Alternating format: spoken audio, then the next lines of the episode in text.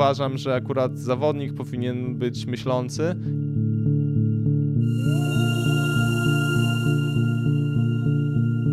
I on powiedział, że, że wy nie musicie mieć jakby najlepszego trenera na świecie, nie musicie jechać na drugi koniec świata, żeby znaleźć tego trenera i że zawsze jakby jesteście w stanie się czegoś nauczyć nawet w swoim lokalnym środowisku.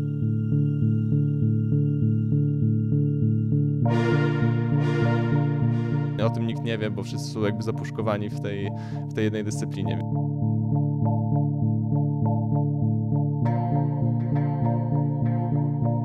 E, I serio, to nie, nie ściemniam, dlatego że, że, że, że chcę taki smrodek dydaktyczny tutaj e, e, wtrącić.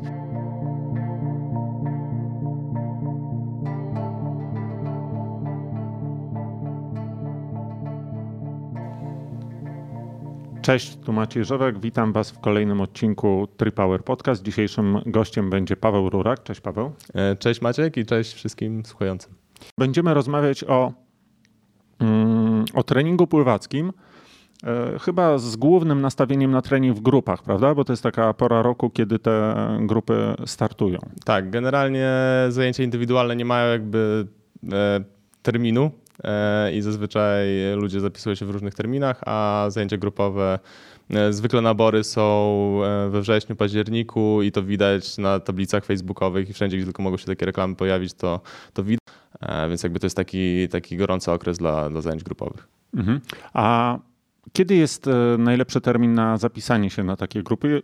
Zresztą mm, ja też zwróciłem uwagę, że to teoretycznie E, najlepsza pora chyba właśnie dla triatlonistów, mimo że te grupy pływackie wywodzą się bardziej z tradycji pływackich chyba niż triatlonowych i te terminy wrześniowe, październikowe, prawda? Chyba obecnie jest, e, bywa różnie, bo jakby jedno, jedną sprawą jest to, czy to są grupy pływackie, czy są triatlonowe i um, często są grupy pływackie i często prowadzą ją byli zawodnicy, um, ale też często, coraz częściej można znaleźć grupy triatlonowe, które są robione w obrębie jakiejś konkretnej drużyny triatlonowej i e, wchodzą w skład jakiegoś większego programu, e, więc jakby już nie ma takiego, takiego podziału, kiedy rzeczywiście oryginalnie grupy pływackie były grupami robionymi przez pływaków. A jeśli chodzi o termin, e, to tak jak mówiłem, często jest tak, że jest nabór dosyć intensywnie robiony i, i te grupy się wypełniają i jeżeli ktoś by chciał na przykład dołączyć w listopadzie, w grudniu, to czasami bywa ciężko. Bywa ciężko jakby się zapisać, dlatego że, że nie ma miejsc, trzeba się zapisać na jakieś listy rezerwowe i wtedy to nie jest takie, mm, takie wygodne.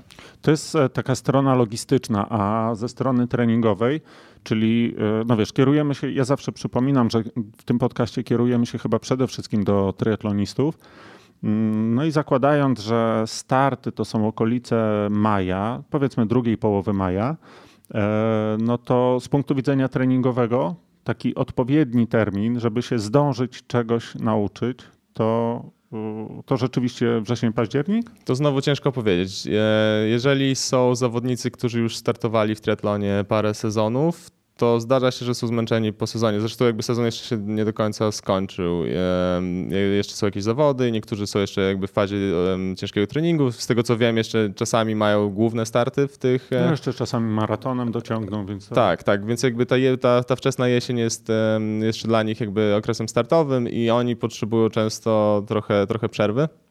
Więc jakby ich trzeba rozpatrywać oddzielnie, a inaczej trzeba rozpatrywać osoby, które chcą się na przykład przygotować na swój pierwszy triatlon, E, albo chcą podszlifować formę, chcą zmienić technikę, bo takich osób się dosyć dużo, dużo zdarza i, i wtedy dla takich osób bym polecał rzeczywiście, żeby zacząć e, robić to e, jak najwcześniej. I jakby dobrym przykładem, mam, mam, mam dużo takich historyjek tak naprawdę, jak osoby, które chcą wystartować w swoim pierwszym triatlonie, zapisują się na zajęcia, akurat na indywidualne, ale w ostatniej chwili, na przykład w czerwcu. Pamiętam, miałem jedną, jedną osobę, która... Tak, wizytę u kosmetyczki. Trochę... Przed, przed weselem. Nie, to było raczej e, Paweł Ratuj. E, mam za trzy tygodnie start i nie umiem popłynąć dłuższego dystansu w, ciągu.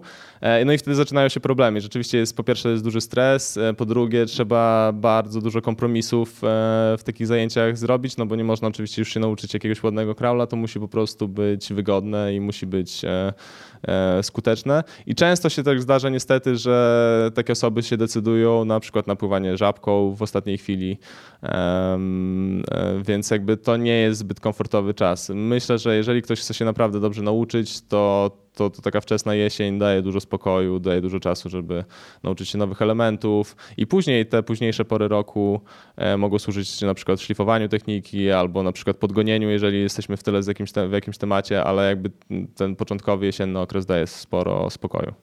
Mhm. E, osoby, które dołączą później do grupy, mogą się z nią zasymilować, bo zakładam, że wy idziecie już jakimś programem. A druga rzecz, to mówiłeś o pewnej takiej takim podziale, e, takim podziale potrzeb wśród zawodników, czyli jedni chcą być, e, os, os, zacząć jakby od samego początku, drudzy chcą się już przygotowywać do startów, jakby doskonalić te swoje umiejętności. Czy to się da ogarnąć w ramach jednej grupy, czy trzeba robić do tego dwie grupy? Jak zwykle odpowiedź jest, to zależy, bo... bo nie, za... nie ma już tutaj nie, nie ma też tak- takich one zostały wyczerpane. Dobrze, więc, więc to zależy, bo zależy od, od poziomu pływaka i na przykład czy współpracowaliśmy z nim wcześniej, E, czy na przykład dołącza, dołącza pierwszy raz i oczywiście jak jest pierwszy raz, to może być mu ciężej, dlatego ja mówię na przykładzie swojej grupy, ale, ale podejrzewam, że to wygląda tak samo, wygląda to tak samo e, też w innych grupach.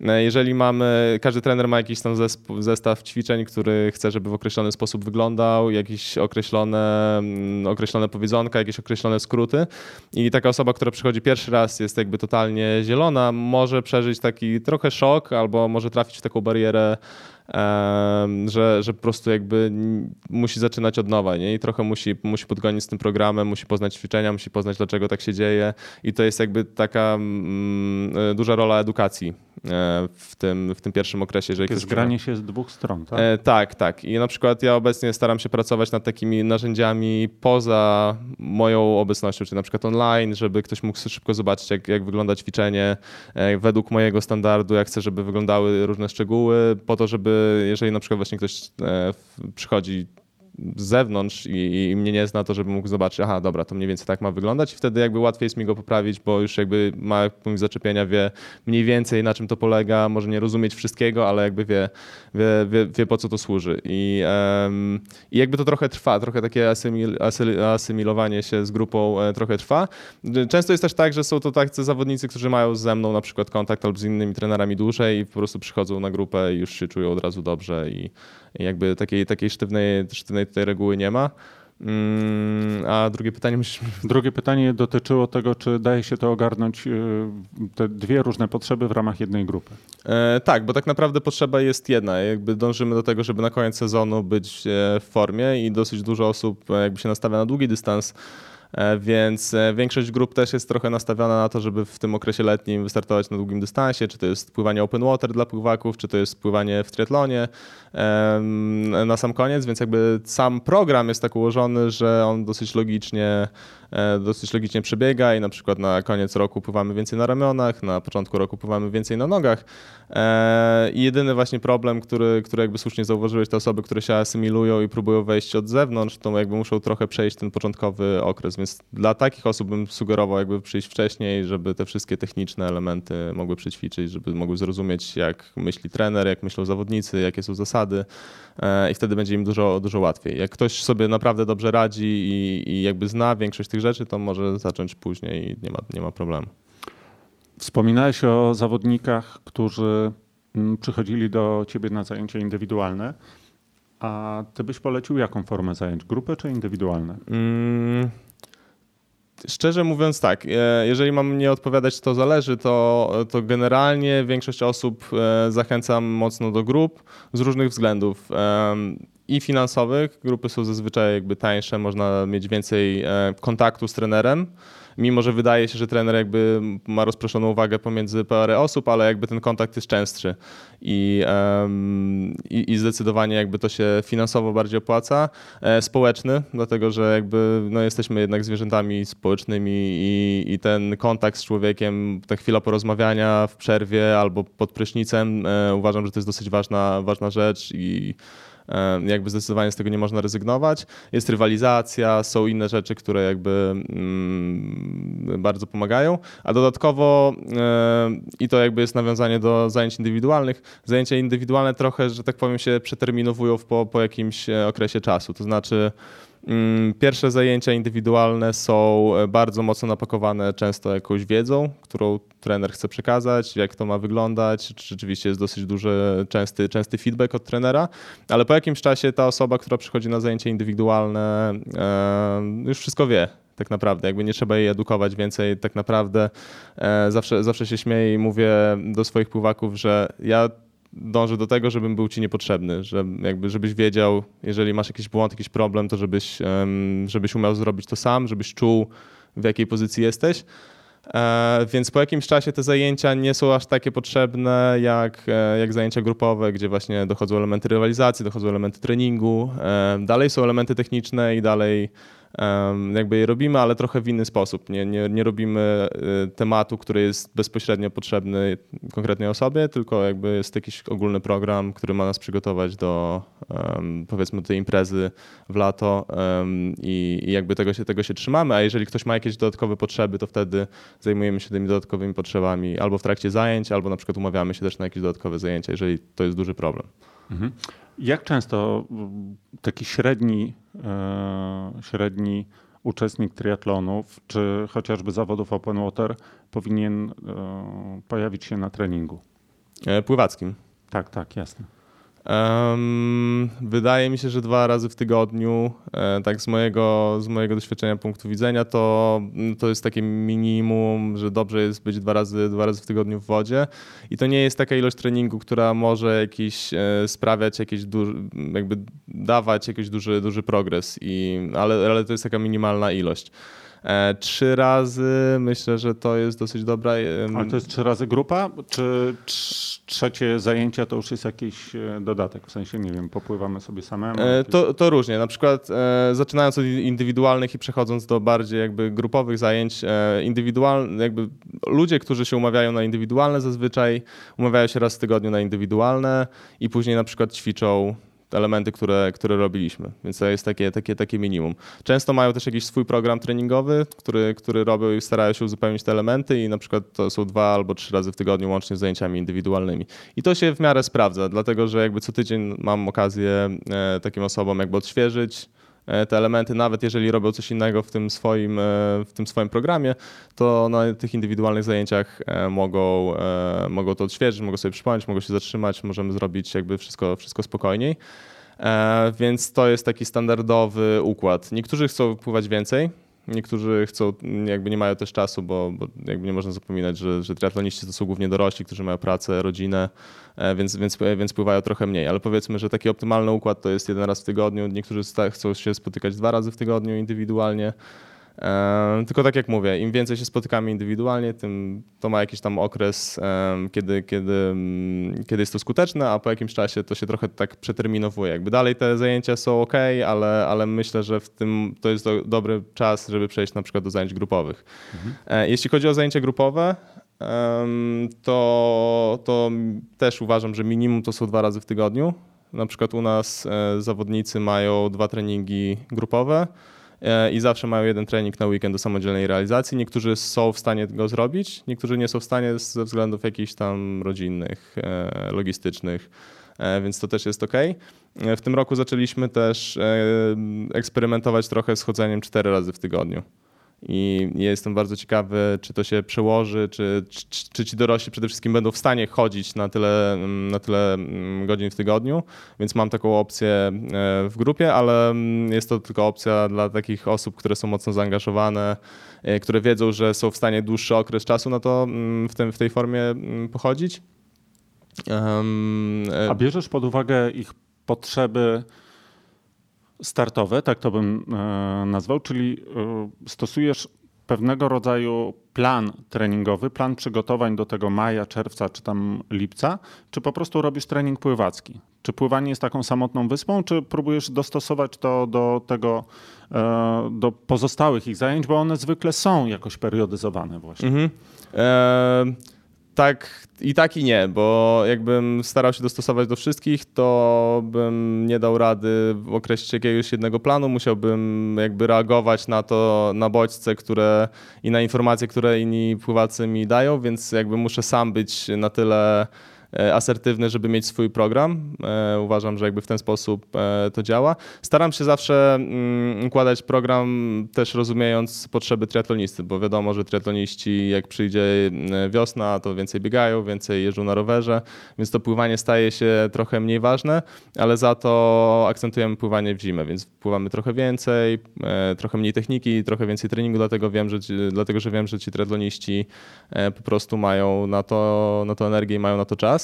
Mm, później trochę jakby luzujemy, e, ale, ale jakby nie jestem w stanie prowadząc zajęcia rozpatrzyć jakby bardzo dokładnie ich, e, ich różnych programów. E, treningowych i zazwyczaj staram się negocjować z tymi osobami albo e, bezpośrednio z ich trenerami, żeby jakby udostępniam też ten program treningowy, żeby dostosowali e, te działania do, do, do mojego programu, żeby zobaczyli, kiedy pływamy mocniej, kiedy pływamy lżej i wtedy jakby w ten sposób się komunikujemy. Mhm. A ile osób powinno być w grupie? Optymalnie. Czy jest różnica między 25 a 50? Jest. Jest, jest dosyć duża różnica, jeśli chodzi o przestrzeń. E, na 50 mieści się około 10-11 osób na torze i, i, myślę, że więcej to już jest, e, jest ciasnota. E, oczywiście to zależy też od tego, czy pływacy są dobrze wyedukowani, jeżeli chodzi o zachowywanie się na torze, czy po prostu pływają byle jak. I to też jest duża, duża jakby wartość trenera, który jakby jest w stanie tą wiedzę przekazać, bo E, ludzie niekoniecznie wiedzą, w jaki sposób, jakie odstępy zachowywać, e, nie pilnują przerw często, więc jakby zwracanie uwagi na takie rzeczy bardzo pomaga, ale takie maksymalna pojemność to myślę, że jest 10-11 osób, jeżeli są to osoby o podobnym poziomie na 50, a na 25 7, 6-7 osób to też jest taki, e, taki maks. Mhm. Czy stosujesz E, rozróżnienia na grupy pływackie i triatlonowe, to jedno i drugie możemy ująć w taki cudzysłów, e, ale wiesz o co mi chodzi, mhm. że są takie grupy, które są bardzo mocno ukierunkowane na to, żeby ich uczestnik dobrze pływał kraulem, mhm. natomiast cała reszta e, pozostałe style nie są już tak ważne. Czy uważasz, że to należy mm, traktować kompleksowo i dobry pływak to jest taki, który umie wszystko robić? Trochę jedno i drugie. Mm, obecnie mam tak, że mam coraz więcej pływaków, a nie, a nie triatlonistów i trochę idziemy bardziej w stronę pływania, e, trochę staramy się bardziej e, iść w stronę pływania zmiennym, dlatego że mam dużo mastersów, chcą startować w zawodach, chcą robić dobrze elementy techniczne, takie jak starty, nawroty, więc w związku z tym, że ich jest więcej, pewnie 80%, 70% pływaków, a triatlonistów jest około 30%, to trochę skręcamy w stronę takiego treningu e, pływackiego i takiego wszechstronnego treningu pływackiego. A licząc samą jego efektywność takiego treningu, jak byś to ocenił dla triatlonisty? Czy, e, czy większą korzyścią dla niego jest e, ścisłe ukierunkowanie na triatlon, czy na ogólny rozwój? Pływacki? Nie, wydaje, wydaje mi się, że długoterminowo to jest e, dla niego skuteczniejsze, dlatego że jakby rozwija się w wielu płaszczyznach, stawy też się nie zużywają tak mocno, odpływania kraulem wcale, jakby pływanie kraulem cały czas wcale nie jest jakby też zdrowe i jakby w długim okresie czasu wcale nie przynosi takich pożądanych efektów, więc e, zaczynaliśmy, w sposób w jaki zaczynaliśmy to pływaliśmy kraulem i grzbietem na zmianę z, przewagą kraula, ale, ale dodawaliśmy do tego grzbiet po to, żeby te osoby się coraz pewniej czuły na grzbiecie, żeby mogły się ścigać na grzbiecie na przykład też. E, I obecnie doszliśmy do takiego etapu, że ten kraul i grzbiet jest, jest przyzwoity i chcemy wprowadzać inne style. Też pod kątem tego, żeby na przykład wspierać kraul. Większość osób jest jednak kraulistami, ale, ale jakby staramy się rozwijać trochę szerzej niż, niż, tylko, niż tylko kraul. Jedna, jedna, rzecz, która jest, jedna rzecz, która jest e, w tym, w tym rozwoju ważna, to wcale e, to, to, to, że wcale to nie przynosi mniejszych efektów jakby treningowych. I mieliśmy taki okres, e, kiedy jeszcze pracowałem w Warsaw Masters Team jako trener, że zrobiliśmy chyba jesień. Wydaje mi się, że to był jeden semestr tego takiego treningu, gdzie pływaliśmy tylko zmiennym. E, I to, co się okazało, mieliśmy jakby robione testy raz na jakiś czas, e, chyba to było 400 kraulem albo 800 kraulem, e, już teraz dobrze nie pamiętam, ale sprawdziliśmy się przed i sprawdziliśmy się po i się okazało, że po tym treningu zmiennym to 800 kraulem też poszło, poszło wyraźnie do przodu, wcale nie, nie gorzej niż po treningu pływackim, niż po treningu całym kraulem, więc nie wiem, ciężko jest powiedzieć, czy, czy jest to e, aż takie, takie niepotrzebne na przykład triatlonistom, czy oni muszą się skupiać wyłącznie na kraulu. Być może jakby ten szerszy, szerszy rozwój jest... Taka e, szersza baza na przyszłość. E, tak, na pewno długoterminowo to bardziej pomaga, to jakby nie ma, nie ma wątpliwości, ale na przykład jakbyśmy rozpatrywali jeden sezon, można byłoby się zastanawiać, czy pływając samym crawlem albo pływając głównie crawlem, nastawiając się na technikę crawla, czy nie jesteśmy w stanie zrobić większego progresu. Jeżeli myślimy długoterminowo, to, to zdecydowanie tak. Ja wiem, że ty też e, organizujesz sporo takich e, zajęć e, pozapływackich. Zresztą masz w ogóle bardzo dużo zainteresowań takich, jeżeli chodzi o, o różne nie wiem jak to nazwać, konkurencje, dyscypliny, czyli slack, jakieś rzeczy związane z gimnastyką, z ogólną sprawnością. I jeżeli mamy przeznaczone jakiś czas na pływanie, ogólnie pojęte, to e, uważasz, że ten czas powinniśmy spędzić w wodzie, czy też na, na takich właśnie uzupełniających zajęciach? Mm, jeżeli, jeżeli skupiamy się tylko na pływaniu, jeżeli nam zależy tylko na pływaniu, to jest, to jest jakby obecny obecna, że tak powiem, polityka, w jaką, e, jaką idę, to staramy się pływać jak najwięcej. Na przykład mamy mm, wykupioną godzinę na basenie. Niestety baseny nie umożliwiają nam e, wchodzenia kiedy chcemy, zrobienia rozgrzewki, wyjścia też kiedy chcemy, tylko mamy sztywną godzinę, przechodzimy przez bramki, musimy się odhaczyć, musimy wyjść po tej godzinie. Jak nie wyjdziemy, to, to musimy dopłacić. Więc jakby jak najwięcej treningu jest pływackiego. I jeżeli e, na przykład ktoś potrzebuje uzupełnienia lądem, to zazwyczaj robię to w sposób jakby indywidualny, wyciągam z wody, pokazuję jakiś konkretny ruch. E, na przykład e, dosyć częstym przypadkiem jest tyłopochylenie miednicy, to znaczy podkulenie, podkulenie ogona i tego dorośli często nie umieją, nie, nie, nie czują się swobodnie w, w tym ruchu, a ten ruch jest dosyć ważny dla, dla utrzymania dobrej sylwetki e, w pływaniu, więc jeżeli widzę, że na przykład komuś nogi opadają i nie jest w stanie sobie tego, tego skorygować, to, to, to robimy część treningu na lądzie, tak żeby po prostu pobudzić te, te mięśnie, pobudzić te receptory i, i wtedy wchodzimy do wody, staramy się to, to, to zrobić w ten sposób. Więc jeżeli, jeżeli nie ma więcej czasu, jeżeli jesteśmy ograniczeni czasem, to, to staramy się robić pływanie i ewentualnie, jeżeli jest jakiś problem, to uzupełnić to lądem. Mm, mam też zajęcia jakby oddzielne na sali i często zdarza się, że moi pływacy też po prostu przychodzą na takie zajęcia na sali, one są bardziej wszechstronne, ogólnorozwojowe, ale też jakby pod, robione pod kątem pływania, czyli wszystkie rzeczy, które tam robimy, chcemy, chcemy zrobić e, z myślą o tym, żeby pływanie było, było szybsze. E, z tym, że nie wszyscy na to chodzą, nie wszyscy mają czas na to, żeby, żeby, żeby chodzić, więc to zależy też od e, też głównie logistycznych, logistycznych rzeczy.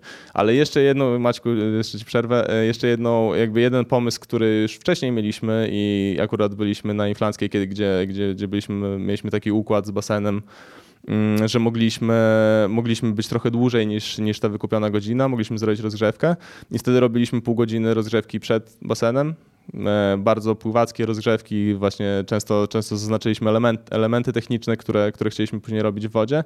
E, i to był najlepszy układ moim zdaniem żeby zrobić jakby taki część, taką rozgrzewkę. Lepsze jest e, wyczucie tego ruchu potem w wodzie? Tak, zdecydowanie widziałem, że, mm, że, że te osoby, które, które robią taką rozgrzewkę po prostu wiedzą, wiedzą o co chodzi. Nie, to nie znaczy, że umieją od razu zrobić, ale wiedzą jakby, rozumieją jak wygląda ten ruch, mm, e, co się, co się dzieje jakby, co się dzieje z ciałami, później to łatwo jest powtórzyć w wodzie, więc jakby ten ląd jest dosyć dobrym środkiem do tego, żeby niektórych ruchów się nauczyć, kontrolowanym środowisku, a później wrzucić jakby tego delikwenta do wody, gdzie jest znacznie większy chaos, gdzie zdecydowanie więcej się dzieje i wtedy jest mu łatwiej jakby ten ruch e, sobie przywołać. Dobrze, ale ja się dopytam. E,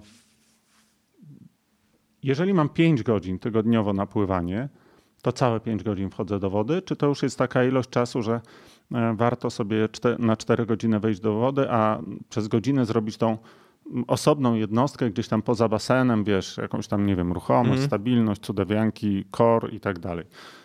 Czy jest taka granica, że powiedzmy jeszcze 5 godzin to jest ok do podziału, ale już 3 godziny to nie, to już tylko w wodzie? Masz... E, chyba ciężko powiedzieć, trzeba tak trochę jakby poeksperymentować. Niektóre osoby na przykład są bardziej pospinane, mięśniowe, niektóre osoby muszą pracować więcej nad mobilnością barków, niektóre osoby w ogóle potrzebują więcej ruchu w życiu, więc, e, więc jakby pływanie jest e, dosyć e, jakby to jest jeden, tak naprawdę crawl to jest jeden ruch, grzbiet to jest jeden ruch, żaba to jest jeden ruch. Nawet jeżeli zrobimy wszechstronny trening pływacki, to jest takie, takie mało ruchowe, mało ruchowe zajęcie, więc jeżeli ktoś naprawdę potrzebuje ruchu w życiu, to potrzebuje też to sobie uzupełnić. E, właśnie osoby, które mają jakieś problemy z, z ruchomością barków, a która jest bardzo potrzebna w pływaniu, też zdecydowanie powinny, powinny robić więcej.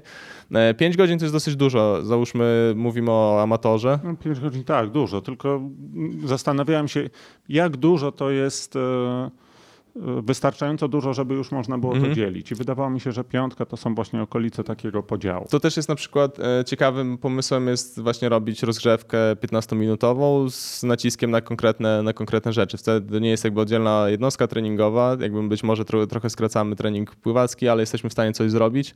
Jesteśmy w stanie to zrobić regularnie. Na przykład mamy właśnie takich 5 sesji godzinnych, ale jesteśmy w stanie poświęcić 10-15 minut na taką szybką rozgrzewkę wcześniej. E, to też jest jakby sposób na to, żeby uwzględnić ten ląd. On jest bardzo konkretny, bardzo intensywny. To nie jest oczywiście stanie i machanie rękoma, tylko jakby bardzo konkretne ćwiczenia. E, I nie dość, że pływanie później jest jakby wydajniejsze, to też jakby czasami jesteśmy w stanie zadbać o swoje jakieś schorzenia, czasami są problemy z barkami, możemy zrobić e, taką rozgrzewkę, która jakby zapobiega tym pogarszaniu się tych problemów. Więc jakby na przykład to jest jeden z motywów. Nie trzeba jakby koniecznie poświęcać oddzielnej, oddzielnej jednostki na to. A jakie są najczęstsze błędy? E, amatora? W sensie? Tak, takiego, który przychodzi na zajęcia. Mm, wydaje mi się, to jest dosyć ciekawa rzecz. A może jeszcze zadam drugie pytanie do tego. No. Jakie są najtrudniejsze do wyeliminowania?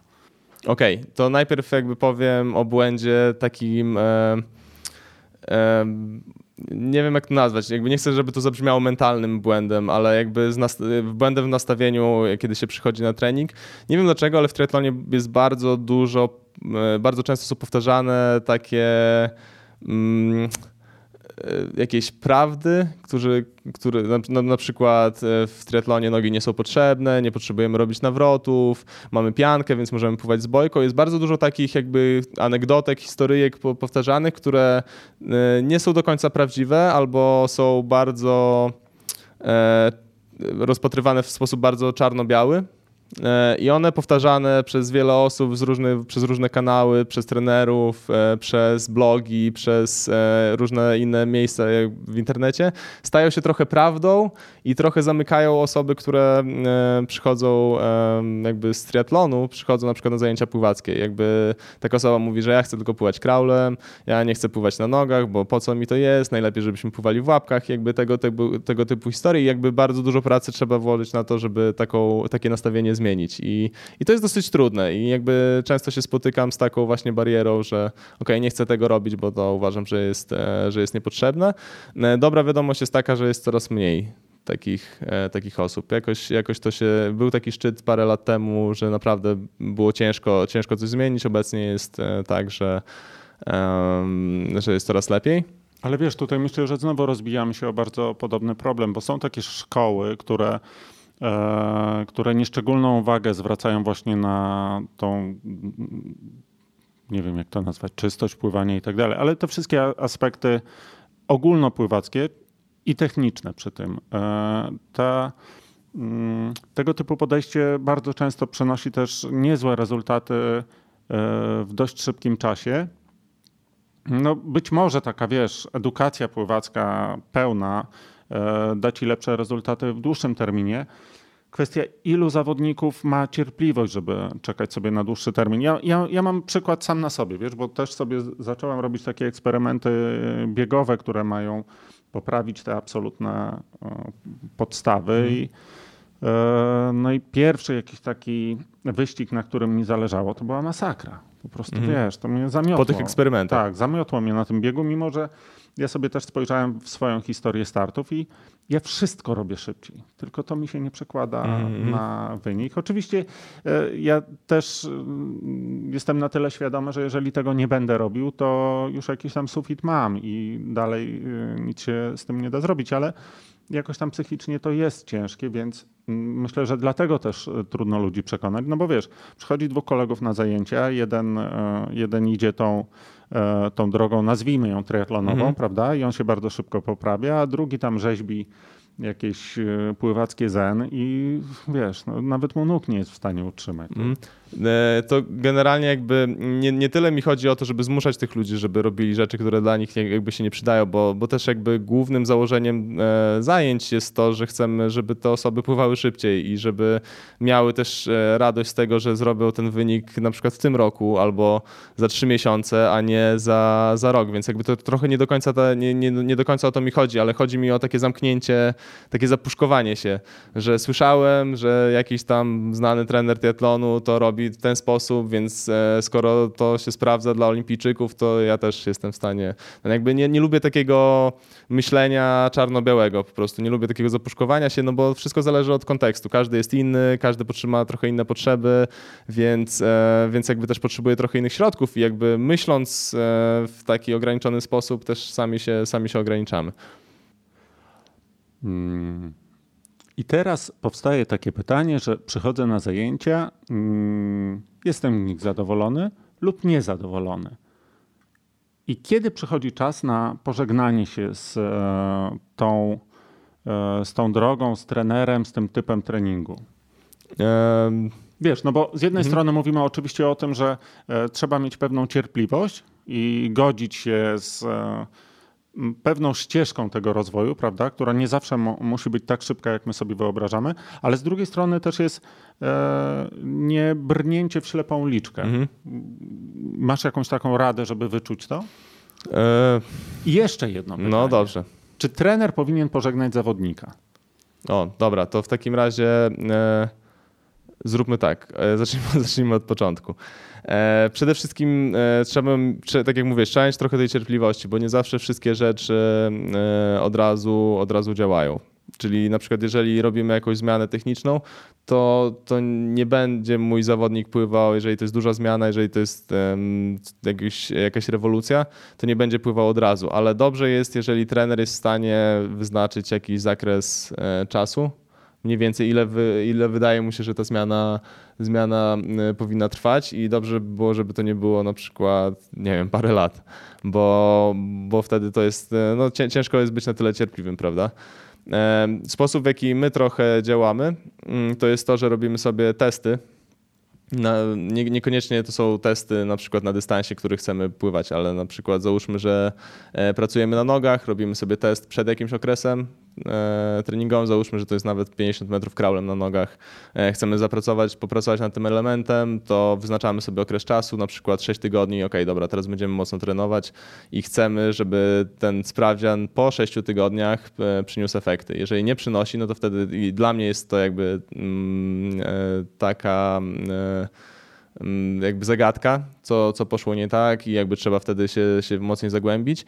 Mm, I dla zawodnika też jest znak, że może coś nie poszło nie tak i wtedy to jest jakby pierwszy sygnał, ok, e, jakby mój trener się pomylił i teraz co z tym zrobi, bo to też jest ważna rzecz. Czy na przykład e, będzie uważał, że to nie jego wina, jeżeli jest jego wina, czy na przykład powie, ok, dobra, słuchaj, nie wyszło, coś, coś mi tutaj nie wyszło, myślałem, że to pójdzie w tą stronę, może potrzebujemy więcej pracy, co sądzisz? Jakby mm, trener też musi być e, otwarty i słuchać, e, słuchać zawodnika. Inną sprawą jest to, że też często dosyć zdarza się, że nawet jeżeli mamy takie testy, no to są osoby, które nie chodzą, nie chodzą regularnie i wtedy to jest na przykład wina, wina zawodnika i też jakby trzeba to uwzględnić, trzeba z tym zawodnikiem porozmawiać. jakby powiedzmy, że w ten sposób jesteśmy w stanie szybciej e, przewidzieć, ok, dobra, to co robimy nie, mm, nie działa, więc to jest jakby pierwszy sygnał, ok, może spróbujemy coś zmienić, albo ok, może, mm, e, może nie jesteśmy dobrą parą, może na przykład nie robimy, nie robimy tego programu, który, e, który, który jest potrzebny dla konkretnego zawodnika. Więc jakby to daje taki pierwszy sygnał, ale ponieważ robimy to dosyć często, więc mamy tych sygnałów dosyć dużo i jesteśmy w stanie nad tym, nad tym trochę podyskutować i jesteśmy w stanie na przykład coś zmienić, jeżeli szybko, szybko nie wychodzi.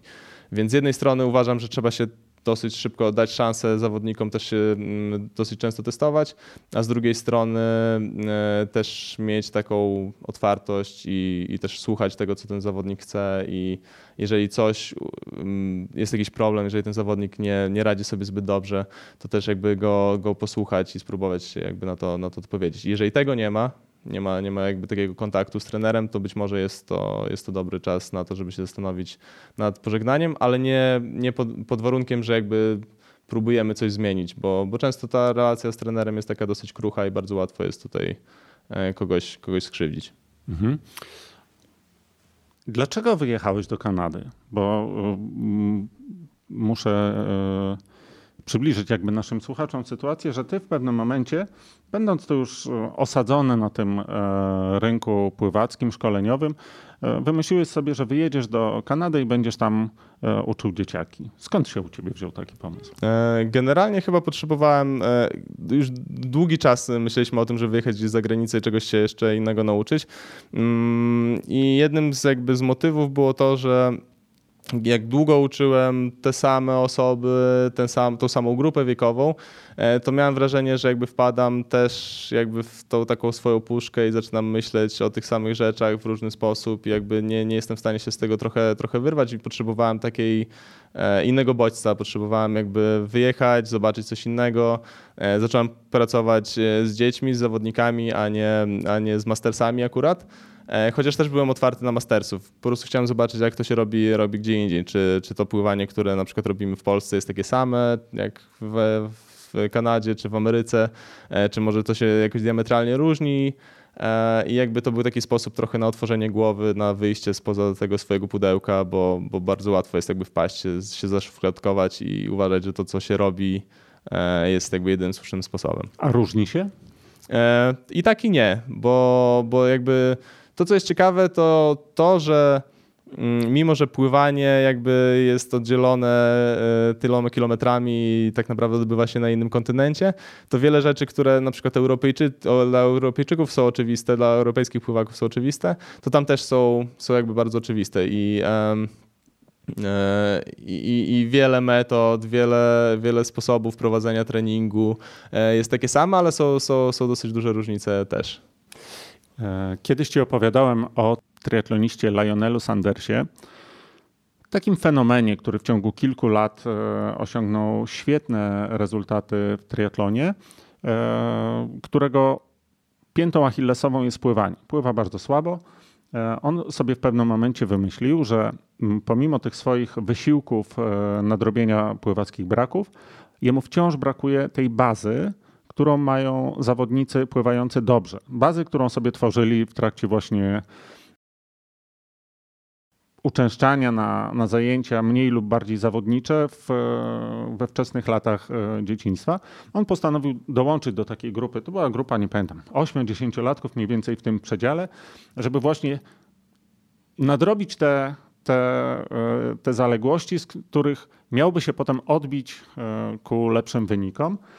Z tego co wiem, zmienił ostatnio tą swoją filozofię, ale przez chyba rok uczestniczył w takich zajęciach i się e, poprawił. Co o tym myślisz i czym różni się, czy to jest w ogóle słuszna koncepcja i czym różni się taki trening dzieciaków od treningu mastersa? A się poprawił potem. Mastersa bez, mhm. bez przeszłości pływackiej. Poprawił się. On się cały czas poprawia w tym mhm. pływaniu, ale co chwila e, myślę, że wy byście się dogadali, bo to jest taki koleś, który strasznie dużo eksperymentów e, e, stosuje w swoim treningu. Wiesz, siądzie, spróbuje coś wygłówkować i potem to, co wygłówkuje, stara się wcielić mhm. w życie. E, to dosyć akurat ten, ten pomysł z pływaniem e, wśród dzieci jest dosyć radykalny, dlatego że jakby ta grupa osób, z którymi się pływa, też ma dosyć duże znaczenie. I akurat dzieci się trochę uczą inaczej e, pływania niż dorośli, więc jakby nie jestem, nie jestem pewien za bardzo rezultatów.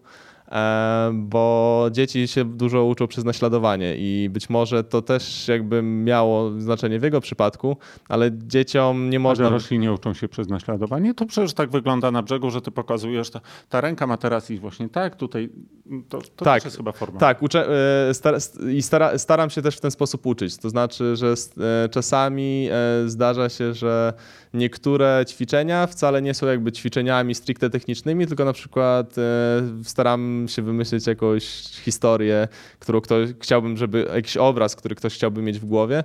E, I na przykład płynie normalnym kraulem, jakby pojedynczą pięćdziesiątkę, czy jakiś pojedynczy odcinek, ale, ale starał sobie wyobrazić jakąś konkretną rzecz. Na przykład, nie wiem, pływanie z górki, albo wydłużanie linii, albo wyobraź sobie, że jesteś nawleczony na sznurek. I im bardziej jest to taka historia, którą on jest w stanie wyobrazić, jakby fizycznie jest w stanie na przykład e, namacać, czy wyobrazić sobie ten sznurek, który jest przewleczony przez, e, przez jego głowę, mm, tym to ma większe znaczenie. I takie historyjki są ważne e, i trochę w ten sposób staramy się działać. Czasami na przykład pokazujemy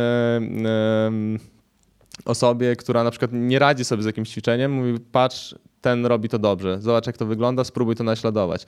Albo na przykład zobacz, obok ciebie jest pływak, i zobacz, przyjrzyj się w jakim rytmie pływa. Nie czy ma wysoki łokieć, nie gdzie wkłada rękę, tylko spróbuj sobie wyobrazić jaki rytm. Jakby wystukaj sobie to, w jakim rytmie na przykład pracuje rękoma i w takich sytuacjach e, widać, że ci dorośli jeszcze posiadają tą zdolność do naśladowania. Jakby i, i, i te, te metody, jeszcze jedna metoda, na przykład zdarza się, że mam e, w smartfonie e, film nagrany z konkretnym ćwiczeniem, albo elementem technicznym, albo z konkretnym spływakiem, który pływa w jakiś określony sposób. I kiedy pokazuję to nawet nauką pływania e, ten film, to wszyscy pływają to 10 razy lepiej. To, że ja na przykład pokazuję jakiś ruch ma znaczenie, ale jeżeli zobaczą to i to jest takie namacalne, to, to, to, to, to jest jakby dużo, dużo lepsze, dużo, dużo lepiej trafia do, do Czyli przykład z wody lepiej trafia niż przykład z brzegu? Eee przykład y, niekoniecznie musi być z wody, może być na przykład właśnie w formie wideo, może być pokazany. Znaczy chodzi mi o to, że to jest zawodnik, który płynie w wodzie yy, i czy ten przykład działa lepiej niż to, kiedy stoisz na brzegu i starasz się, wiesz, przekazać ten ruch. Jest, jest to uzupełnienie, jakby, bo też nie chcę Nasi pójść... słuchacze nas teraz, nas teraz nie widzą, ale my gestykulujemy. machać. Zaczynamy gestykulować. E, to, to się na pewno uzupełnia, ale jakby dążę do tego, żeby powiedzieć, że dorośli też jakby posiadają e, tą umiejętność naśladowania, ale używają jej dużo, dużo rzadziej. Może przez to, że na przykład trenerzy też rzadziej ją wykorzystują, albo może przez to, że mm, już jakby nie potrzebują się uczyć tak dużo nowych ruchów jak młode dziecko, które jakby cały czas musi zdobywać jakąś nową umiejętność, czy stania, czy chodzenia, czy biegania, czy robienia jakichś różnych innych rzeczy. Więc jakby ta umiejętność jest trochę zapomniana, też są w stanie to zrobić, ale dzieci mają to wykształcone w dużo lepszym, e, dużo lepszym e, jakby stopniu i na przykład zajęcia z dziećmi są takie, że one głównie naśladują. Jeżeli jedno dziecko się nauczy robić coś poprawnie, jeżeli się pokaże, że to dziecko robi to dobrze, to wszystkie nagle e, są w stanie robić to dobrze. To jest takie grupowe, grupowe uczenie się i kolektywna, kolektywna myśl trochę i tak jakby w kulturze pływackiej są przechowywane niektóre rzeczy, które, które te dzieci później jakby powielają i uczą nowe rzeczy. Na przykład dojdzie nowa osoba i nie umie jakiegoś ćwiczenia, zobaczy jak te dzieci to robią, te dzieci czasami mu coś podpowiedzą i jakby to, e, to ćwiczenie też jest jakby od razu lepiej robione.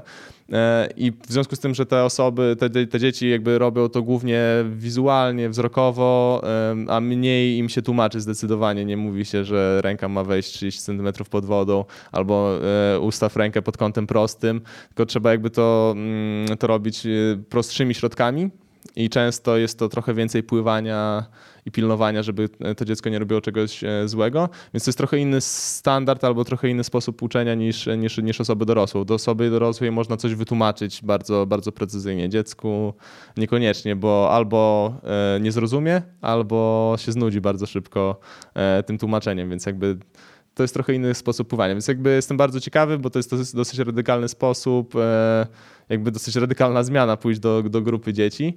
E, choćby ze względu takiego merytorycznego, bo już nie mówię o tym, że chłop Stoi, miał tak. 40, nie wiem ile lat mógł mieć, 30 parę pewnie, a, a dzieci są ośmiolatki, które jakby w ogóle nie ma jakby kontaktu z tymi dziećmi na, na, na żadnym... Już wyobrażam, jak oni stoją razem tak. wiesz, przed wejściem do wody, to tak, ale jest, jest to na pewno ciekawa historia i to jest trochę taki radykalny sposób i jakby też można się z tego czegoś nauczyć, bo być może nasze, nasze uczenie albo nasze uczenie się brakuje, brakuje temu takiego dziecięcego pierwiastka. Dzieci też się więcej bawią, na przykład dużo umiejętności, które, które dzieci posiadają, którzy pływacy posiadają, bierze się stąd, że te dzieci po prostu w przerwie na przykład się nudzą, sobie nurkują, wymyślają sobie sposób, jak mogą przebiec po dnie, albo czy umieją zrobić fikołek, e, czy coś, dlatego na przykład jak robią nawrót, to dla nich to już nie jest nowe to jest po prostu wykorzystanie umiejętności, którą gdzieś już tam posiadły, która gdzieś tam wyszła w, w zabawie, więc, więc być może taki pierwiastek też powinien się pojawiać e, w treningu e, dorosłych.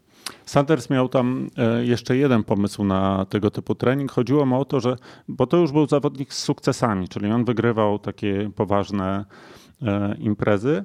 Mm, I chodziło o to, że jeżeli pójdzie na takie zajęcia dla dzieciaków, które teoretycznie, wiesz, nawet mu nie mogą podskoczyć mm. z osiągnięciami, to to go sprowadzi trochę na ziemię. To mu pokaże, gdzie on tak naprawdę jest. Wiesz, nie jesteś żadnym tam mistrzem i zwycięzcą Ironmana, tylko jesteś kolesiem, który nie umie pływać. Mm -hmm. Więc ten jego eksperyment Psychologiczny miał, był tak, trochę. miał tam różne, e, różne podłoża.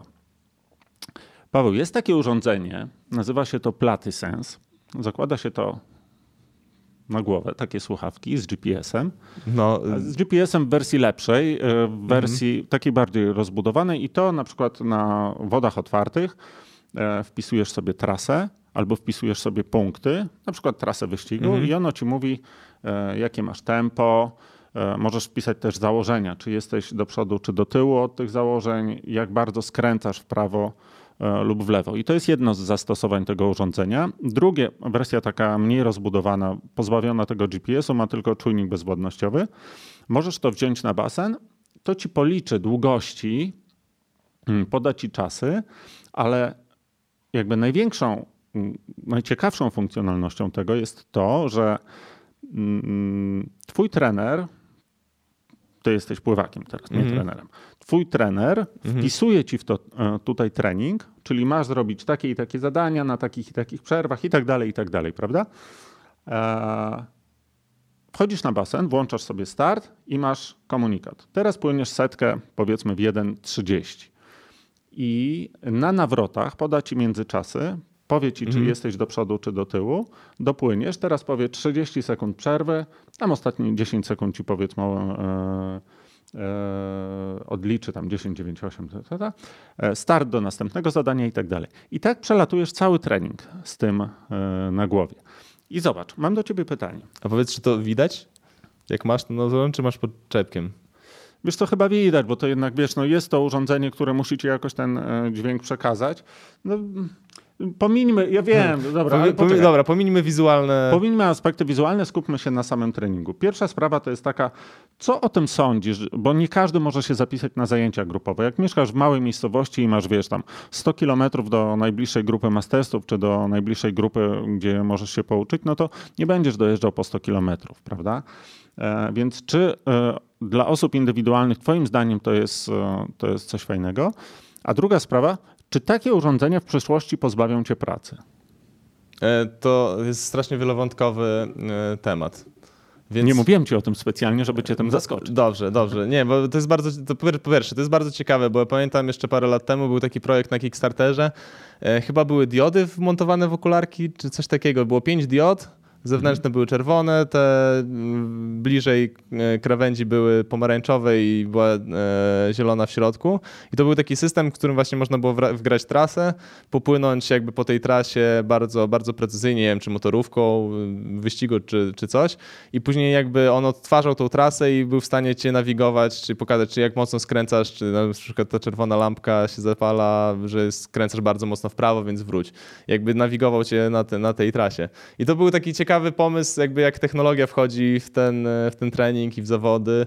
I to był też taki strasznie dziwny pomysł i strasznie, jakby na przykład mnie by te lampki strasznie denerwowały. Jakby osobiście, to jest moja jakby osobista jakby myśl, ale, ale też jakby trochę zabiera ten urok, nie? To jest jakby już takie jakby zapuszkowanie się w, w jakimś systemie, który ciebie prowadzi, naprowadza. I trochę tak chyba jest, nie wiem, w rowerach teraz, jakby w, w kolarstwie, e, że często triatloniści mają czytniki mocy, już tak, tak naprawdę patrzą sobie cały czas na, e, Wiesz, na no licznik. W bieganiu też tak masz, bo też masz e, tak zwanych wirtual partnerów, bieganie po trasach i tak dalej, więc myślę, że w każdym sporcie tak, Ale tak trochę to idzie w taką stronę właśnie takiego trochę zapuszkowania się, zamiast jakby pojechać i dać się ponieść wyścigowi, na przykład kolarskiemu, to trochę to zamyka w takich e, ekranach i tak naprawdę płyniemy sami i, i, i to jest takie, takie trochę dziwne. Więc Dobra, takie, na, takie było moje odczucie. To jest jakby, to, jest, i, to, to, podejrzewam, że ten, e, ten sprzęt, o którym mówiłeś, jest jakby trochę rozwinięciem tego, bo, bo jakby ma, ma dużo bardziej ambitne funkcje, potrafi mierzyć czas, prędkość, jakby można wprowadzić trening, więc, więc jakby jest trochę ambitniejszym tym i to jest jakby taka ciekawostka, która jest e, interesująca z tego względu, że, że, że po prostu to jest jakby tak jak technologia chce wejść w ten, w ten trening pływacki. I ja jakby jestem tutaj chyba trochę z, może dosyć konserwatywny, jeśli chodzi o, o, o, o opinię, bo, bo jakby uważam, że akurat zawodnik powinien być myślący i powinien się rozwijać nie tylko fizycznie, ale też jakby i nie tylko jakby układ nerwowy pod kątem ruchowym, ale też jakby pod kątem myślenia. I im więcej tak naprawdę zawodnik jest w stanie elementów o, jakby o, im o większej ilości elementów jest zawodnik w stanie myśleć i kontrolować, tym jest lepszym zawodnikiem, czyli jakby bardzo świadomym zawodnikiem. I taka maszyna jakby zabiera trochę tą, tą świadomość, to znaczy, że już nie musi liczyć długości, bo e, komputer za niego, za niego policzy, nie musi, nie wiem, nawigować, nie musi mierzyć czasu e, i właśnie na przykład to, co my robimy na zajęciach, to staramy się powiedzieć, ok, dobra, to jest wasza odpowiedzialność, to wy musicie mierzyć ten czas, bo ja nie zmierzę na przykład czasu wszystkim 10 osobom, jeśli się rozjedziecie, więc wy musicie musicie sobie mierzyć czasy, a ja wam zbiorę te czasy na przykład raz na jakiś czas i, i będę, będę, będę to kontrolował, więc jakby trochę w drugą stronę e, chcę iść, żeby jakby rozwijać tych, e, tych zawodników. I jakby trzecią częścią tego pytania było to, czy to jest przydatne dla zawodników, którzy nie mają szansy na przykład e, uczestniczyć w takich zajęciach grupowych, kiedy na przykład nie mają e, dostępu do trenera. I, I też jakby dosyć ciekawą e, myśl dał e, Joseph Frucek, to jest taka osoba, którą e, śledzę i mm, jakby byłem na paru warsztatach. E, jest to osoba ze środowiska ruchowego, ale dosyć ma dużo takich właśnie przemyśleń, trochę, trochę filozoficznych, ale trochę takich właśnie a propos ruchu, a propos jakości ruchu, a propos jakości treningu. I on powiedział, że, że wy nie musicie mieć jakby najlepszego trenera na świecie, nie musicie jechać na drugi koniec świata, żeby znaleźć tego trenera i że zawsze jakby jesteście w stanie się czegoś nauczyć nawet w swoim lokalnym środowisku. Zawsze możecie znaleźć jakąś grupę pływacką, jeżeli jest basen, to podejrzewam, że tam jest jakaś grupa pływacka i nie trzeba koniecznie iść na zajęcia, można się z kimś skonsultować, można komuś zapłacić, żeby po prostu poświęcił trochę czasu e, i, i coś opowiedział, coś podpowiedział. E, są zawodnicy gdzieś, można zawsze podjechać do drugiego miasta, to zależy oczywiście od kontekstu, nie? ale jakby trochę jest tak, że, że jakby nie można uważać, że ktoś, e, jeżeli się urodził w małej miejscowości, gdzie powiedzmy nie jest tak jak w Warszawie, że jest po prostu dużo, dużo takiej energii związanej właśnie z rozwojem pływania, z rozwojem triatlonu, e, tylko w jakiejś mniejszej miejscowości, to że ma wymówkę do tego, żeby, żeby jakby powiedzieć, okej, okay, dobra, ja w sumie nie mam, nie mam możliwości, lepiej kupię tą tą nakładkę na, na głowę i, e, i jakby to, to, to rozwiąże mi wszystkie problemy, bo, e, no bo uważam, że tak, że tak nie jest, że jakby taki rozwój świadomości, takie uczenie się jest trochę ważniejsze czasami niż, niż, niż też sam trening. Mhm. Dlaczego przestałeś pływać? I dlaczego zacząłeś pływać? Bo miałeś taki okres, że nie wchodziłeś do wody. E, tak, trochę byłem zmęczony, bo moja historia jest taka, że po Mistrzostwach Europy w Budapeszcie to był 2010 rok. E, przestałem pływać, przestałem pływać jako zawodnik i też złożyło się to w taki sposób, że też nie chciało mi się za bardzo wchodzić do wody. Jakby miałem taki, taki czas rozłąki z pływaniem. Można powiedzieć, że wodowstręt, ale to jakby wynika z tego, że miałem bardzo dużo obowiązków nagromadzonych na siebie i na, miałem jakby dwa, mm, oprócz tego, że miałem 22 godziny pływania w tygodniu, bo tyle, tyle mniej więcej wychodziło naszych treningów, plus trzy siłownie, to był jakby ten cały, cały trening, który, który robiliśmy w tygodniu. No to była jeszcze uczelnia, a tak naprawdę w tym semestrze poprzedzającym E, moją rozłąkę miałem, byłem jednocześnie na dwóch uczelniach, jakby tak się zazębiły mi trochę uczelnie.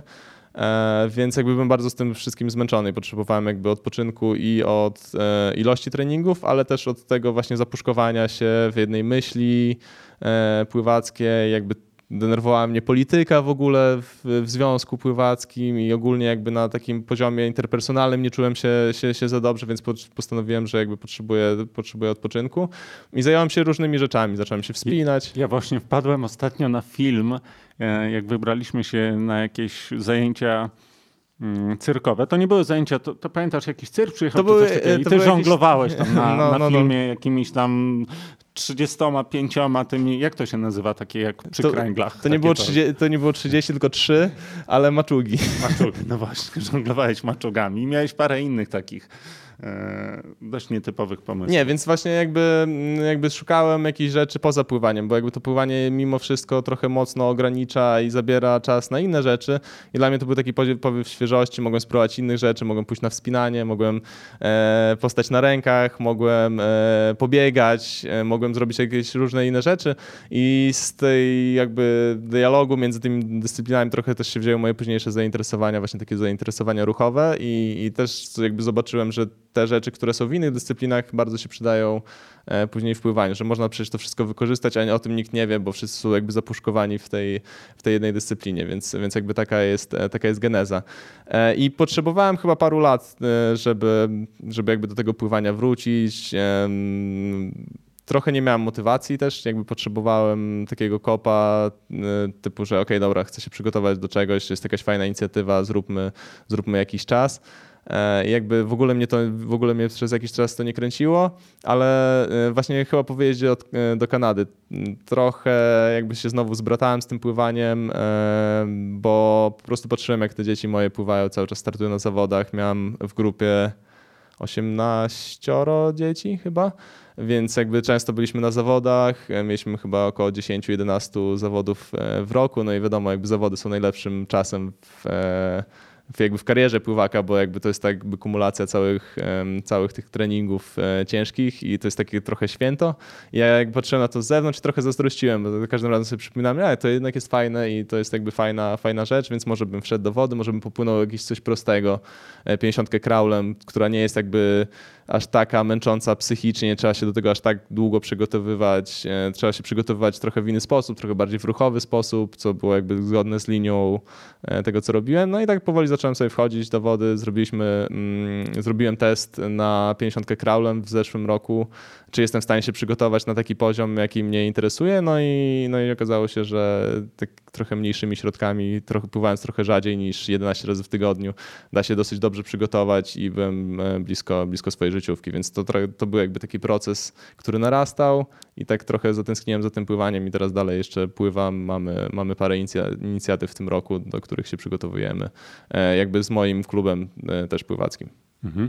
A na koniec mam do ciebie pytanie o to, Mm, o radę, prośbę o radę, co zrobić, żeby rano mieć ochotę wejść do wody. Chodzi mi o to, jak się staje już na brzegu, zresztą pływacy chyba też mają ten problem, że staną na brzegu i się patrzą na tą taflę wody przez kilka minut, zanim do niej wlezą. Jak do niej wejść, do tej wody? Rano, Teraz, zimno, o szóstej. ciemno. O tak, szóstej, zima, wiesz, tak. śnieg po... Mordor, w ogóle masakra. Słuchaj, to, y, to co odkryłem ostatnio i to jest, y, oczywiście jakby nie, nie jestem w stanie wejść o szóstej rano, dlatego że mam zajęcia o szóstej rano, więc wchodzę, wchodzę o ósmej, ale też jestem często zmęczony, często jestem e, zmarznięty i, I, czasami jestem też głodny, bo na przykład zapomnę wziąć jedzenia, jakoś to nie pomyślę, że nie wiem, może mi jest niepotrzebne. E, jakby najlepszą radą jest zrobić rozgrzewkę, ale taką intensywną rozgrzewkę przed, e, przed wodą i wtedy się aż chce wejść do wody. E, I serio, to nie, nie ściemniam, dlatego że, że, że, że chcę taki smrodek dydaktyczny tutaj e, e, wtrącić. Tylko naprawdę, jak zrobię taką rozgrzewkę, że jestem aż spocony, e, co nie jest takie trudne zacząć. Jakby nie jest tak trudno zacząć o tej 6 rano, wystarczy wziąć skakankę, sobie chwilę poskakać, wymyślić sobie jakąś grę, e, na przykład, dobra, dzisiaj skaczę w ten sposób, nauczę się czegoś nowego, jakby to zaprząta trochę umysł i nie myśli się o zmęczeniu i o tym, że jest ciężko. E, tylko jakby no, po prostu odsuwa, odsuwa te myśli e, i zrobi się dobrą rozgrzewkę, to naprawdę jest e, bardzo przyjemnie wejść, wejść do wody i, i byłem aż zaskoczony. Jak nie, nie mam tej rozgrzewki, to zawsze walczę i zawsze patrzę na tą wodę, zawsze wiem, że to będzie zimne i że ten pierwszy szok, mokra, tak. ten pierwszy szok jest ten, ale, ale naprawdę rozgrzewka pomaga. Um, no, chyba to, jest, chyba to jest najlepsza rada. A chyba, że jest taki moment, kiedy jestem naprawdę zmęczony i wiem, że to nie ma sensu, wtedy chyba lepiej pójść do domu i się wyspać, albo się wyspać w ogóle, nie przychodzić e, na trening. Mimo, że to może nie brzmi zbyt e, z punktu widzenia trenera za, na jakąś dobrą radę, to, to czasami lepiej jest się wyspać, czasami jest być świeższym i czasami lepiej mieć więcej chęci do treningu niż przychodzić na trening e, z nastawieniem, że to wszystko jest nie tak. To trening nie musi zostać odbyty? E, musi. I to jest właśnie dosyć ciekawa rzecz, bo jestem teraz na takim etapie, że mm, poszedłem bardzo mocno w taki kierunek, że jeżeli że chcę być świeży, chcę, żeby ten trening był dobrze jakościowo wykonany, więc e, łatwo jest mi się tak trochę wymigać. Jeżeli czuję się źle, to łatwo jest mi e, się wycofać i to też nie jest jakby do końca dobre i też widzę, jakby się łapię na tym bardzo często i jakby, że jakby nie mam takiej e, nie wiem jak to nazwać, siły woli, takiej, takiej um, takiego nastawienia, że choćby coś, e, choćby coś miało mi się stać, to, e, to że pójdę na ten trening go zrobię. Um, nie wiem, trzeba znaleźć jakiś kompromis między tymi dwoma rzeczami. Trzeba być też trochę mądrym, ale też trochę trzeba być upartym, tak mi się wydaje. Bardzo dziękuję. Dzięki wielkie.